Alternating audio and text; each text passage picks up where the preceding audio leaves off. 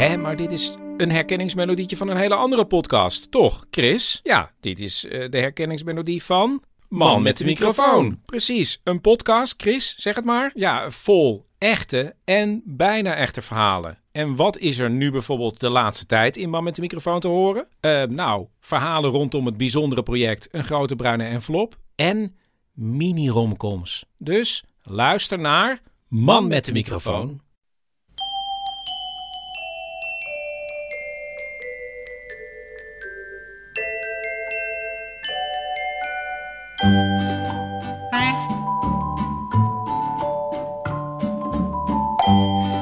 Welkom bij aflevering 389 van Echt Gebeurd, de podcast waarin mensen hun eigen waargebeurde verhalen vertellen. Deze week een verhaal dat Sven Peetoom vertelde tijdens een verhalenavond in het Oude Luxor Theater in Rotterdam.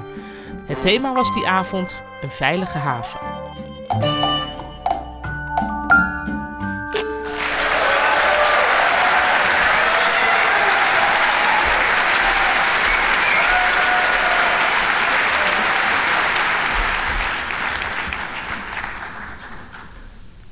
Tien Turkse douaniers staan over mijn rugtas gebogen.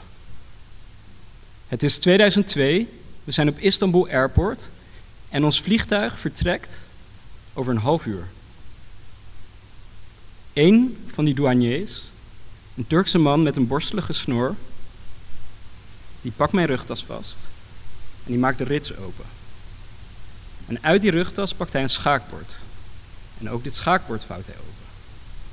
En tussen alle lopers en pionnen ziet hij een 18e eeuws pistool liggen. Verschrikt kijkt hij voor zich uit en hij ziet een beetje een merkwaardig stel voor zich. Hij ziet een 40-jarige Nederlandse vrouw, een 30-jarige Koerdische man en een 9-jarig Aziatisch jongetje. Die Nederlandse vrouw, dat is mijn moeder. Die Koerdische man was toen de tijd mijn stiefvader. En dat Aziatische jongetje, dat was ik. En dat pistool was van mij. Om u even uit te leggen hoe we hier gekomen zijn, moet ik wat meer uitleggen over de opvoeding die ik van mijn moeder heb gekregen. Het was een opvoeding die sommigen wild, losbandig of grofweg onverantwoordelijk noemden. En tot voor kort dacht ik er ook een beetje zo over na. Toen ik een jaar of vijf was, toen uh, gingen mijn moeder en mijn vader uit elkaar. En uh, bij mijn vader werd ik opgevoed tussen de Game Boys en de Lord of the Rings en pasta bolognese, tussen de veilige muren van ons huis. Maar mijn moeder was haar wilde haren nog niet verloren. Ze ging op zoek naar avontuur. En ik, ik ging mee. Achter op de fiets of in haar blauwe Opel Kadett scheurden we dan door Rotterdam en verder buiten op zoek naar exposities, maar ook festivals en krakersfeesten.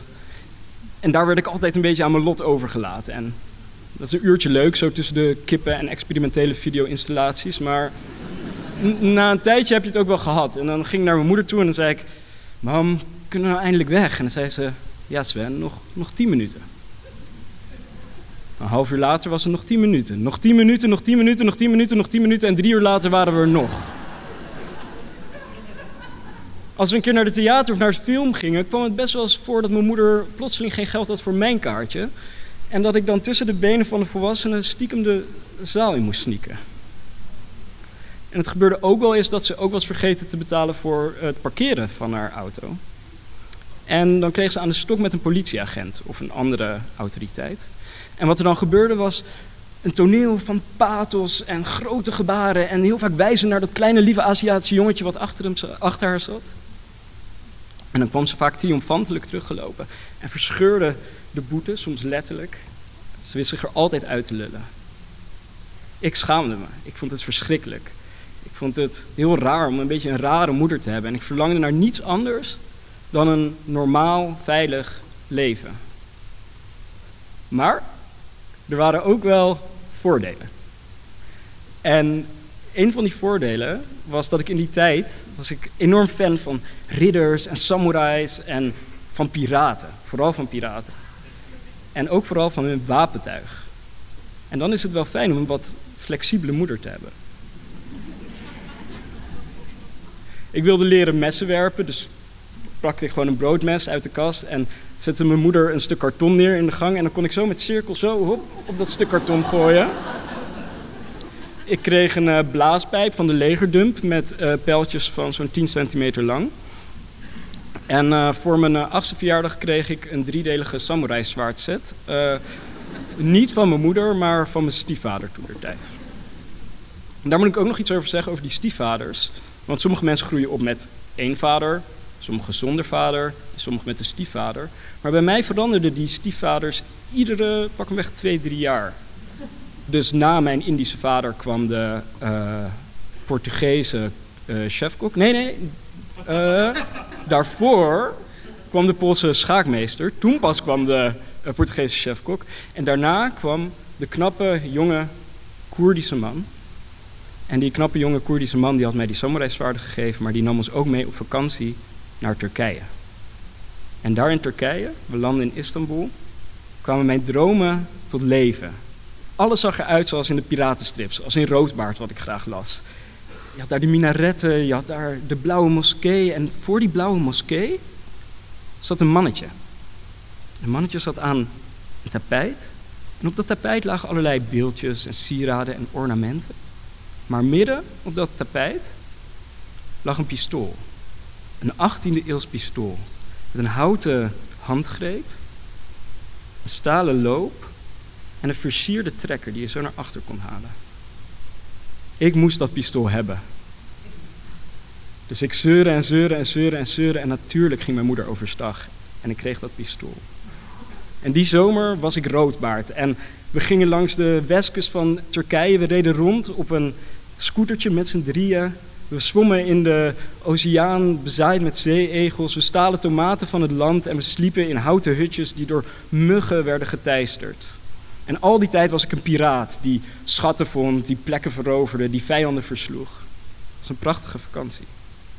Maar ook daar kwam een einde aan. En natuurlijk waren we op het einde, toen we het vliegtuig moesten halen, een beetje te laat. En er was een probleem, want ik kreeg, kreeg mijn tas niet dicht. Ik had te veel spullen. Dus ik dacht, nou ja, ik pak dat schaakbord, ik doe het open, ik stop dat pistool erin, dat wikkel ik in een handdoek en dat stop ik ergens diep in mijn tas. De man met de borstelige snor, die keek naar het pistool. En die keek nog één keer naar de mensen voor zich. Een Nederlandse vrouw van in de 40, een Koerdische man van in de 30 en een klein Aziatisch jongetje. Hij verluisterde wat met zijn eh, collega's en nam een beslissing. Mijn Koerdische stiefvader werd vastgenomen door twee douanebeambtes. En tegen ons zei hij: Ga zo snel mogelijk terug waar jullie vandaan komen. Dus wij zitten in een vliegtuig terug naar Rotterdam, huilend. Mijn moeder vooral om mijn stiefvader die we achter hebben moeten laten. En ik ook wel een beetje om het pistool.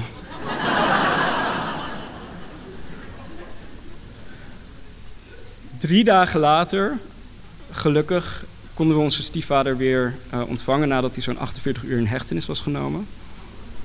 Hij nam het pistool niet mee en eerlijk gezegd was ik toen een beetje, die toen ook al een beetje vergeten.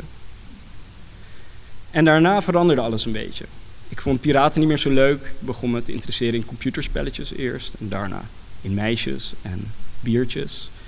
En ik ging steeds minder vaak mee naar de exposities van mijn moeder, naar de festivals. Ik begon mijn eigen leven op te bouwen. De Koerdische man die verdween ook en die veranderde in een Nederlandse filosoof die tot op de dag vandaag is gebleven. En ik verwijderde me steeds meer van mijn moeders leven. Het heeft misschien haar hart een beetje gebroken dat ik een jaar bij mijn vader ging wonen voordat ik zelf de wijde wereld inging. Maar een aantal jaar na dit incident kregen we een brief van Istanbul Airport, van de douane. En in die brief stond dat als wij een zakje kruid hadden meegenomen en wat lode kogeltjes, dat we dan in theorie een werkend vuurwapen aan boord van het vliegtuig hadden gesmokkeld. Dit was een jaar na 9-11. Ze geloofden onze onschuld, of misschien wel onze naïviteit, en zeiden dat als we nog een keer in Istanbul waren, dat we het pistool konden oppakken want het was ondertussen onklaargemaakt en we konden het ophalen bij de douane. Nu is het twintig jaar later. En zover ik het weet, ligt dat pistool er nog steeds. Dus ik zou jullie ook willen vragen, mochten jullie binnenkort naar Istanbul toevliegen, zouden jullie dan kunnen vragen bij de douane of er nog een pistool ligt op naam van Sven Peetoom? Want ik zou dat pistool wel terug willen. Ik ben ondertussen een beetje veranderd. Waar ik in mijn tienerjaren steeds meer me van mijn moeder afzette, merk ik dat ik de laatste jaren steeds meer op haar begin te lijken. In mijn werk als filmmaker kom ik vaak in aanraking met de autoriteiten en dan sta ik opeens de tirade af te steken tegenover hun. Ik doe mee aan klimaatdemonstraties en zelfs als de zaal, zoals vanavond denk ik, helemaal uitverkocht is, sneak ik soms stiekem toch nog naar binnen. Ik zou dat pistool terug willen, niet omdat ik nog van piraten hou, en al helemaal niet van wapentuig, maar ik zie het als een herinnering. Een herinnering aan een opvoeding door mijn moeder, die heel wild was, heel erg losbandig en eigenlijk net iets te onverantwoordelijk. Maar waarvoor ik me steeds minder ben gaan schamen, waar ik steeds meer van ben gaan houden.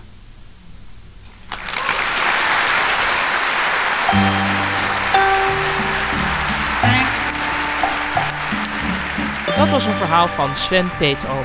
Sven is filmregisseur en scenario-schrijver.